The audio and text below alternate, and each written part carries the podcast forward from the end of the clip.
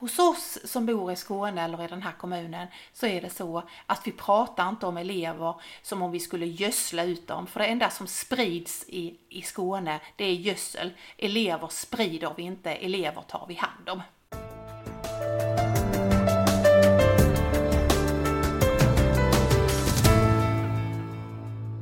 Välkommen till Utmanarpodden!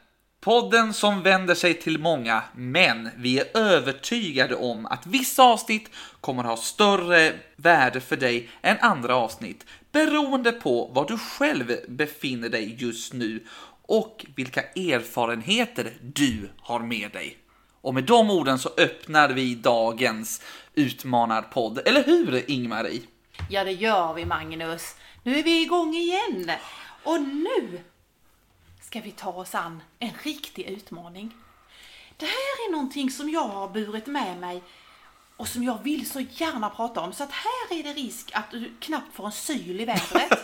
Så, så, Jag får vara liksom på tårna här för att bryta in tårna, eller? Ja. För nu ska vi prata om mitt, ett av mina tio favorituttryck. Och det är ordet tolkningsföreträde. Hur ofta använder du det? Aldrig skulle säga, vet knappt vad det är. Nej, och då säger jag att jag använder det minst en gång varje dag. Du förstår att vi ligger liksom på olika nivåer nu Det får va? man säga. Försök att ta en snabb genomgång här. Då är det så här att det här är egentligen ett ord som har kommit utifrån att om du tänker dig att man skriver ett, eh, ett avtal och sen så eh, blir det alltid lite strul i avtalet, eller inte avtalet, men avtalet är klart och sen kommer man till verkligheten och så blir det lite strul. Då är det någon som har förtur på att tolka vad står det egentligen i avtalet. Så tolkningsföreträde kan man lite enkelt summera med förtur på tolkningen. Så det, det har, men det är också så att det här begreppet har vidgats väldigt mycket. Till att man börjar se att hur man tolkar saker som händer. Och i dagens komplexa värld, i världen och i, på arbetslivet där det snurrar, där det hela tiden händer saker, där finns det ett behov av att tolka. Hur är det nu? Den som då tar på sig att tolkningsföreträda, alltså tar på sig att tolka liksom, det här är ju så här och så här. Den tar ju på sig ett väldigt stort ansvar. Som man måste vara rätt så ödmjuk för. Ofta självutnämnd. Det kan vara olika. Det kan också vara liksom eh, eh, chefen eller så. Vi kommer till det sen vem som gör det och vad det innebär att göra det. Men först bara kollar vi. Är du med på vad tolkningsföreträde? Det är någon som tolkar och som tar på sig den rollen. Liksom tolka en situation då. Ja. Jag börjar tänka, jag har ju inget körkort. Nej. Utan jag åker väldigt mycket kommunikationer, buss och tåg liksom. Om vi då är vid en busshållplats och bussen är försenad. Då kan det vara någon som säger då, vi, vi är några stycken som står vid den här busshållplatsen och så är det någon som säger så här, ja ah, nu är bussen sen igen, ja ah, det är så jobbigt och vad det är. Och då är det någon som säger, ja men det kan ju faktiskt vara att det är någon som, det har hänt en olycka. Och då börjar liksom andra i gruppen komma med på det spåret. Jaha, det har hänt en olycka. Och vad... Ja, det är ju klart att bussen är försenad, men det är ju jättejobbigt för... Tänk om det ligger nu människor längs vägen och är svårt skadade eller sådär. Mm. Då har ju en person då tolkat den här situationen. Samtidigt som det kan vara, om, om det är samma situation, att det är någon som står på den här busstationen och säger att ja nu är den här bussen försenad igen. Ja, det är alltid förseningar och det, det blir inte något bra utav det här. Jag kommer bli försenad hela tiden. Nej, nu gör vi så här. Nu tar jag en taxi. Vem är med på det här tåget så tar vi taxi allihopa. Det är också liksom en, en tolkning som den personen har gjort. Alltså Magnus, nu ska vi försöka vara väldigt seriösa i Utmanarpodden. Men just nu var du så rolig så nu sitter jag och håller mig för munnen här. Jag bara låt mig först bara få skratta klart. Ja. Och sen så ska jag berätta du, om du har tolkat rätt. För då säger du så här, vi står på en busstation. Och vi, då händer det någonting så vi måste ta en taxi och så undrar du om alla är med på tåget. Jag, jag hörde det själv så tänkte jag, ja, ja, ja, men jag ser om vi kan släta över den. Men eh, jag jobbar som komiker, har jag sagt det någon gång? Eller? Ja, nu har vi skrattat klart. Du, du har fattat helt rätt. Och de där två människorna då, de har ju någon sorts tagit på sig rollen att tolka. Och det, det som är spännande är att utifrån hur de tolkar så kan jag tänka mig att hela bussituationen och hela situationen blev väldigt annorlunda. För att den här som tyckte att nu är bussen sen varenda dag och nu minsann ska vi beställa taxi och det får bussbolaget betala, lalala. Det skapar ju frustration och nu och så va. Ja. Medan den här andra då som sa att oh, nej, jag tänker om det har varit olycka igen och så. Då skapar ju en väldig förståelse och omtanke och när bussen kommer så Ja. kanske man till och med frågar busschauffören. Ehm, var det en olycka Ja. och hur gick det? Fick du hoppa in extra nu då Ja. eller var du själv med i bussen? Och, och så skapar det någonting. ja, precis. Men det jag vill att vi ska prata om, det är det här allra första som händer. Det händer någonting och någon tar på sig Ja. och tolkar det. Ja, ja, ja. Är du med på det nu? ja. Tänk att du använder det så ofta som en gång per dag. Det, Ja, det, just det. det är nästan så att jag själv skulle vilja börja använda det. För det är nog många som i min bekantskapskrets som skulle säga, jaha, vad menar du nu? Det. Ja, men du, kan vi inte bara pausa lite där nu? Du vet ju att en av de sakerna jag gör i Rundvall konsultfirman är ju att jag coachar chefer. Och nu tänkte jag lite högt reflektera över vad är det jag möter? Jag kan börja se ett mönster hos chefer som jag coachar. Ett mönster som handlar om att det finns spöken som ställer till det. Vi har innan pratat om det här att det är bra att man har ett ideal, man har en bild vad man vill och sådär. Men ideal kan också ställa till det. Nu har jag ju förmånen att, att möta chefer i olika organisationer. När jag möter rektorer så har rektorer inskrivit i sina dokument och i sina tankar som är sagt omkring hur det är att vara rektor i en svensk skola eller en förskola, så nämner man ordet pedagogiskt ledarskap. Mm, Ja, men det har jag nog läst till och med, eller hört Ja, eller sådär. det alltså, om, ja. ett begrepp. Ja, och ska vi koppla tillbaka det då så säger man att man har inte tid med pedagogiskt ledarskap och så. Eh, och då gör man en bild av vad det är. Liksom, det är något väldigt speciellt med ett pedagogiskt ledarskap.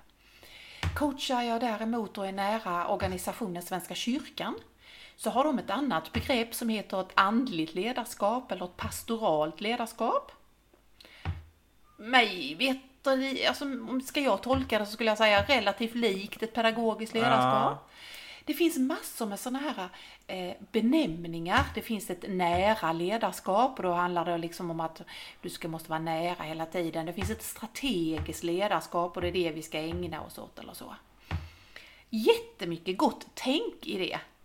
Men jag möter så många chefer som istället har fått en ökad frustration för att att vara den chefen så blir det nästan att det är något konstigt, det låter lite luddigt. Ja, det känns lite diffust i det här. Ja. Alltså andligt ledarskap, det låter ju liksom väldigt eh, stort att man ska liksom... Och pedagogiskt ledarskap Ja. låter lika stort och strategiskt. Då får man ju bilden av en, en powerpoints presentation på 28 bilder Ja. med 23 000 fyrkanter och cirklar och pilar.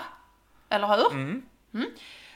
Och därför så har jag istället jobbat väldigt mycket med cheferna att fundera på, men vad vill du och vad är det egentligen medarbetarna vill? Aha, Mm. okej. Är du med? Ja, jag är med. Därför att jag har sett att de här idealbilden har blivit mer till ondo än till godo. Till godo var inte till godo kvitto, utan eh, att de har inte blivit till något gott för, för de här cheferna. Ja. För tanken när man formulerar det är ju en helhetsbild som man vill med chefer och istället har det skapat en frustration. Så då har jag vänt på det och frågat vad är det medarbetare egentligen efterfrågar av en chef? Vad brukar, vad tror du då? Jag tror att man eh, vill ha någon som är här och nu i vardagen och när det händer. Att man vill ha någon som kan gå in där och styra upp liksom.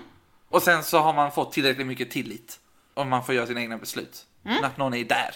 Och om jag då sätter mina ord på det så skulle jag vilja säga man vill ha en ledare som vågar ta på sig rollen som tolkningsföreträdare. Nu ska vi se om Ja. vi kan koppla ihop det då. För, för då är det så att det händer hela tiden saker. När det precis händer, precis som i busskuren, så finns det ett samma behov på en arbetsplats. Nämligen, hur ska vi tolka detta? Kaffekokaren har gått sönder. Eller kaffemaskinen. Hur tolkar du det som chef? Ja, antingen så tillåter man då att detta blir förmiddagens hela punkt som alla pratar om. Eller så säger man, idag händer det som vi behöver träna oss på. Nämligen att göra något vi inte brukar göra. Det pratar vi ju alltid om, så idag dricker vi te allihopa så får vi se om vi klarar det. Är du med? Ja. Det vill säga tolka snabbt hur situationen är. Nu var ju kaffekokare och te en väldigt enkel eh, metafor. Men om du istället tänker att det händer allvarliga saker. Det finns en hel produktionslinje som inte går igång idag. Hur påverkar det resten av hela företaget? Hur ska vi tolka den situationen? Är det allvarligt?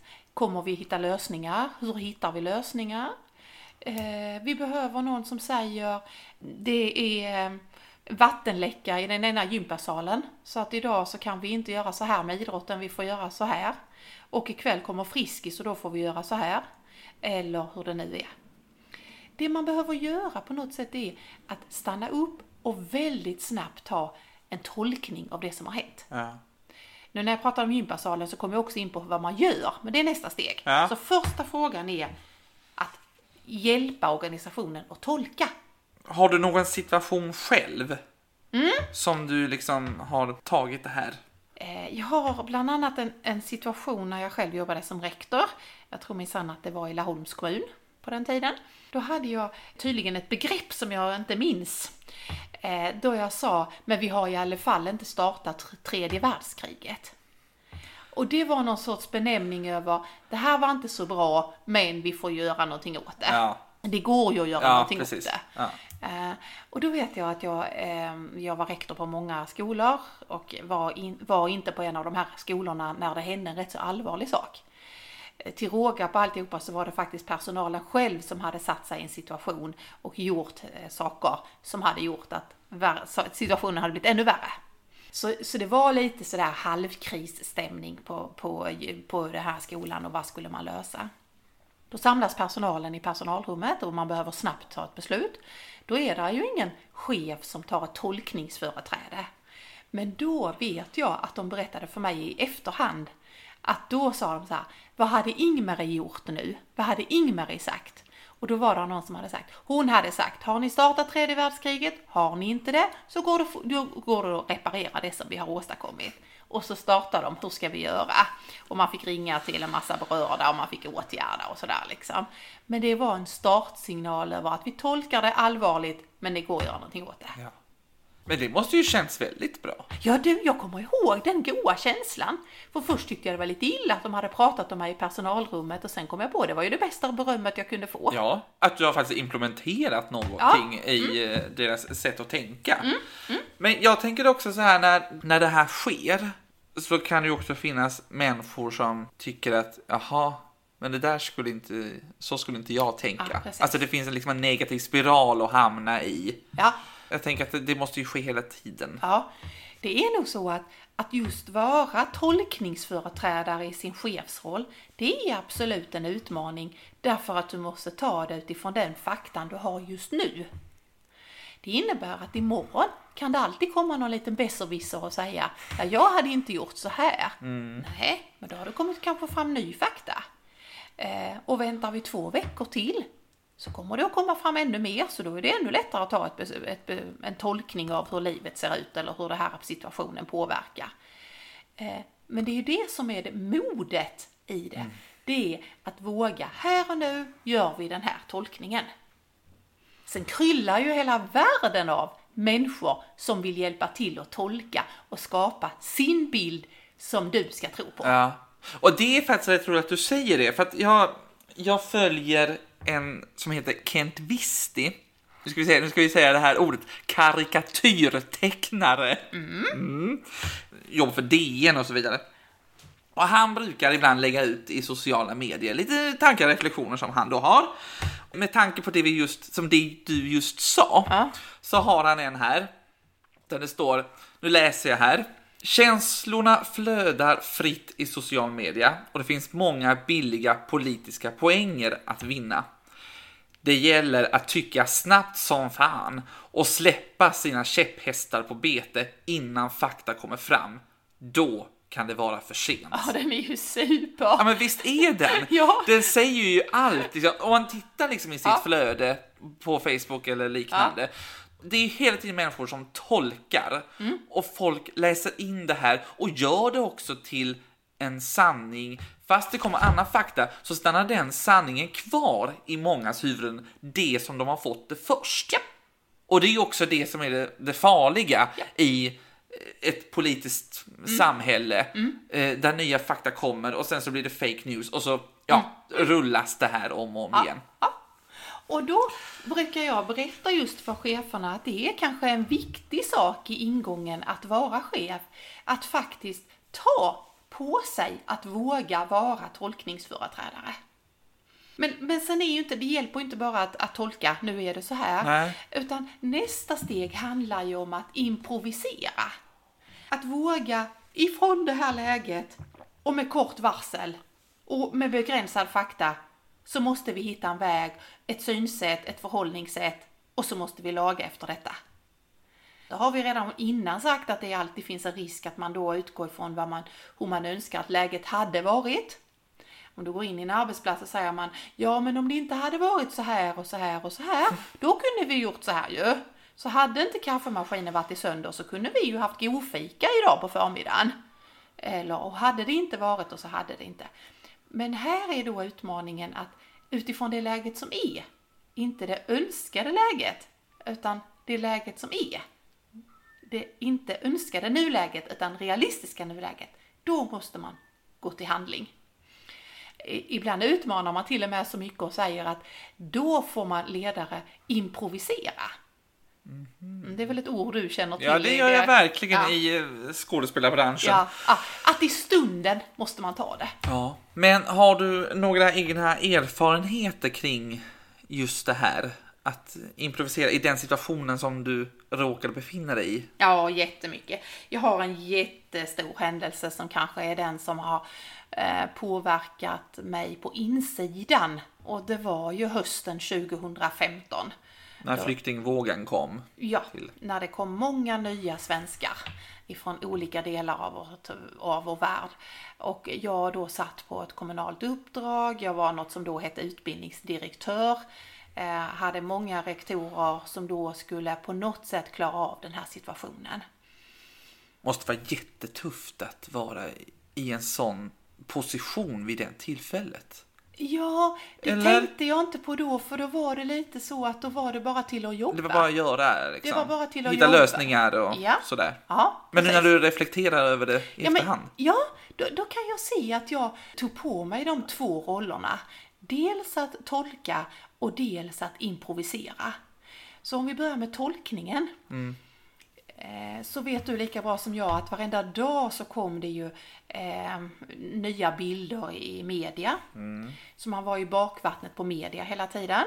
Eh, sen var det ju också så att alldeles bokstavligt så kom det ju så många elever så att när en rektor kom till skolan dagen efter så var det ju några elever till som bara stod där.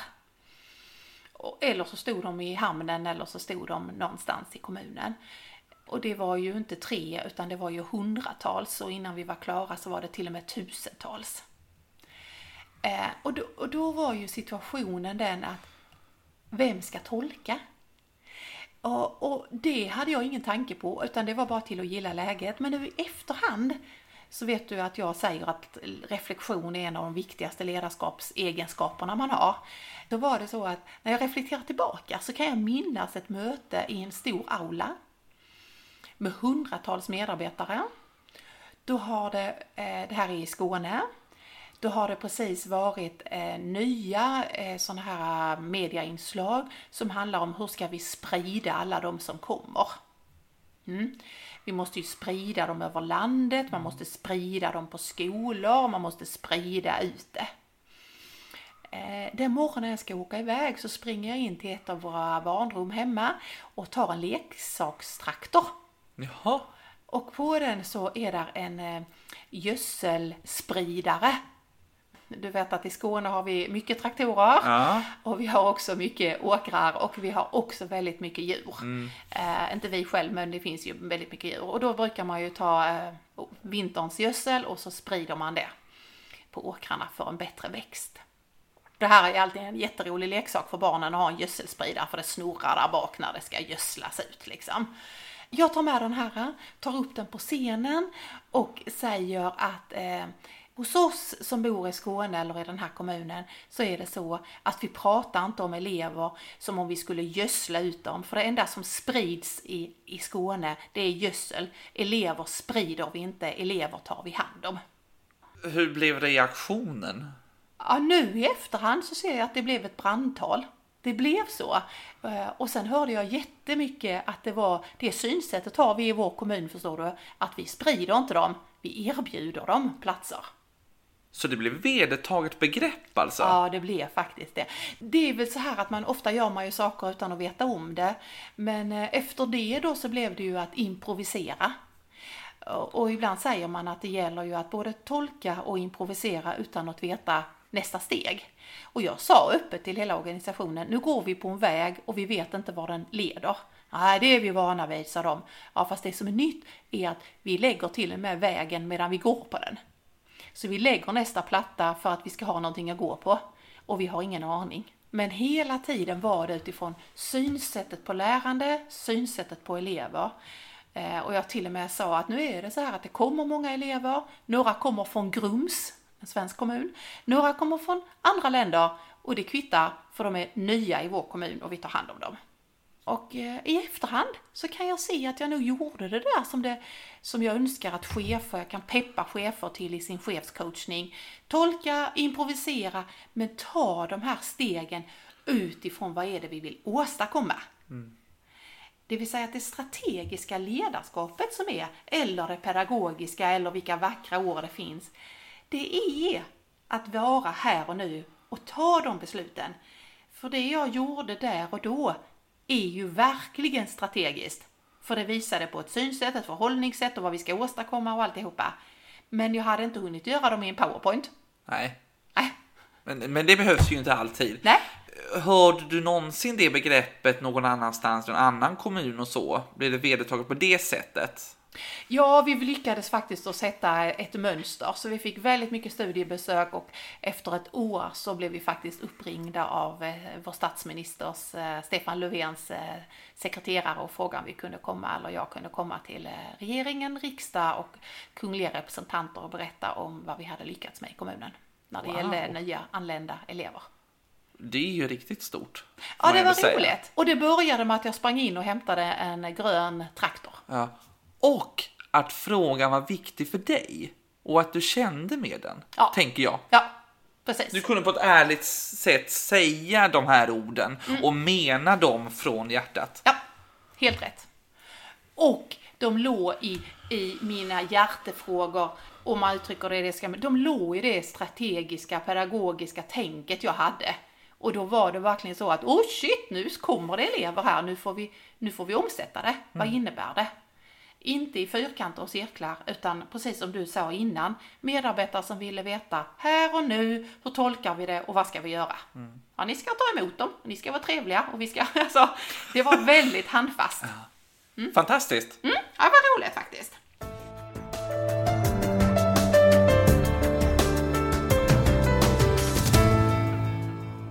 Veckans utmaning, Ingmarie. Ja. Ja, du väntar ju, eller hur? Nej, jag, har, jag väntar inte, för jag vet vad jag ska ge dig. ja, ja, jag vet vad jag ska ge dig. Okej. Okay. Mm. Du ska träna dig på tolkningsföreträde. Oj, mm. i vilken situation? Ta vilken Oj. du vill. Men du ska hela tiden tolka det liksom till något positivt. Så till exempel om jag säger gör en tolkning av att stå i kö. Okej. Okay. Mm, då kan du då kan ju jag... tolka det som att... Eh, Åh, eh, vad jobbigt det är att stå i kö. Det nej, men det. hörru du, det skulle ju vara positivt. Ja, just det. Men jag tänkte eh, sätta i motsats med det. Ja. ja. Nej, du ska tänka ta ja. positivt. Ja. Nu står du i en lång kö. Ja. Tolkningen är? Då tänker jag att... Eh...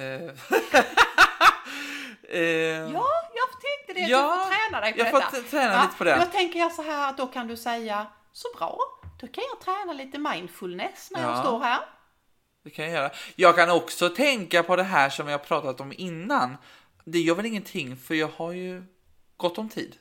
Eh, det känns Magnus som att du behöver ett övningsexempel till. Okej. Mm, gick sådär faktiskt. Du är inte riktigt nöjd eller? Nej. Nej.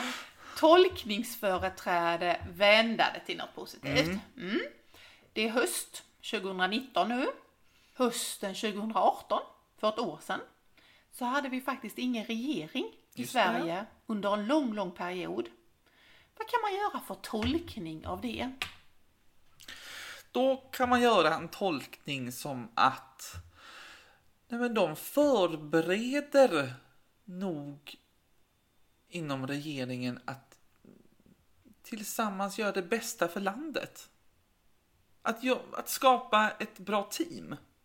Var det, Ja, det kändes det vara. bättre? Ja, var det många Ja. som sa så förra hösten? Eh, nej, det var mer som att, men kan de inte bestämma sig? Ja. Ja. och, eller mer så här, ja men det kommer ju aldrig att gå. Nej, just det. Ja, den, den är ju, för det, ofta är det är ju det här som vi har pratat om innan, man möts i det negativa. Det pratade, pratade vi om i ett avsnitt i våras, det kan man lyssna på om man vill det. Nu Ingmarie, nu börjar du ju tänka så här, jaha, får inte jag någon utmaning? Då tänker jag så här, utmaningen blir att du får vänta på en utmaning. Oh, nu tränar vi tålamod Ja, och jag får vänta på min. exakt. Ska jag då avslöja att jag har inte klarat min förra?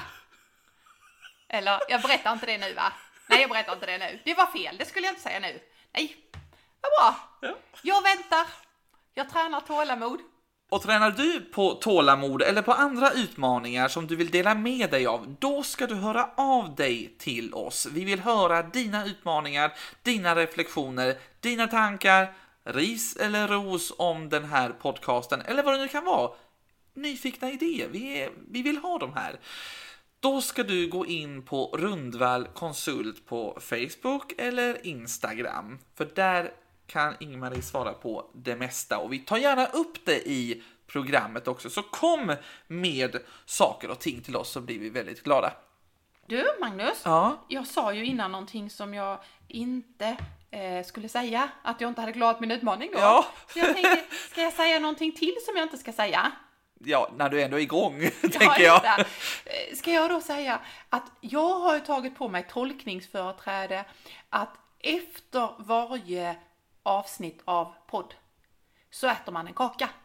Så om vi lite snabbt nu avslutar så är det ju kaktime för dig och mig alltså. Yes! Yes! Men eh, vänta ett tag, ingen kaka innan slutordet. Nej, höll jag redan på att ta här. Men ja, Ja. kör då. Ja, då är det ett, ett exempel på hur man kan som chef tolka saker.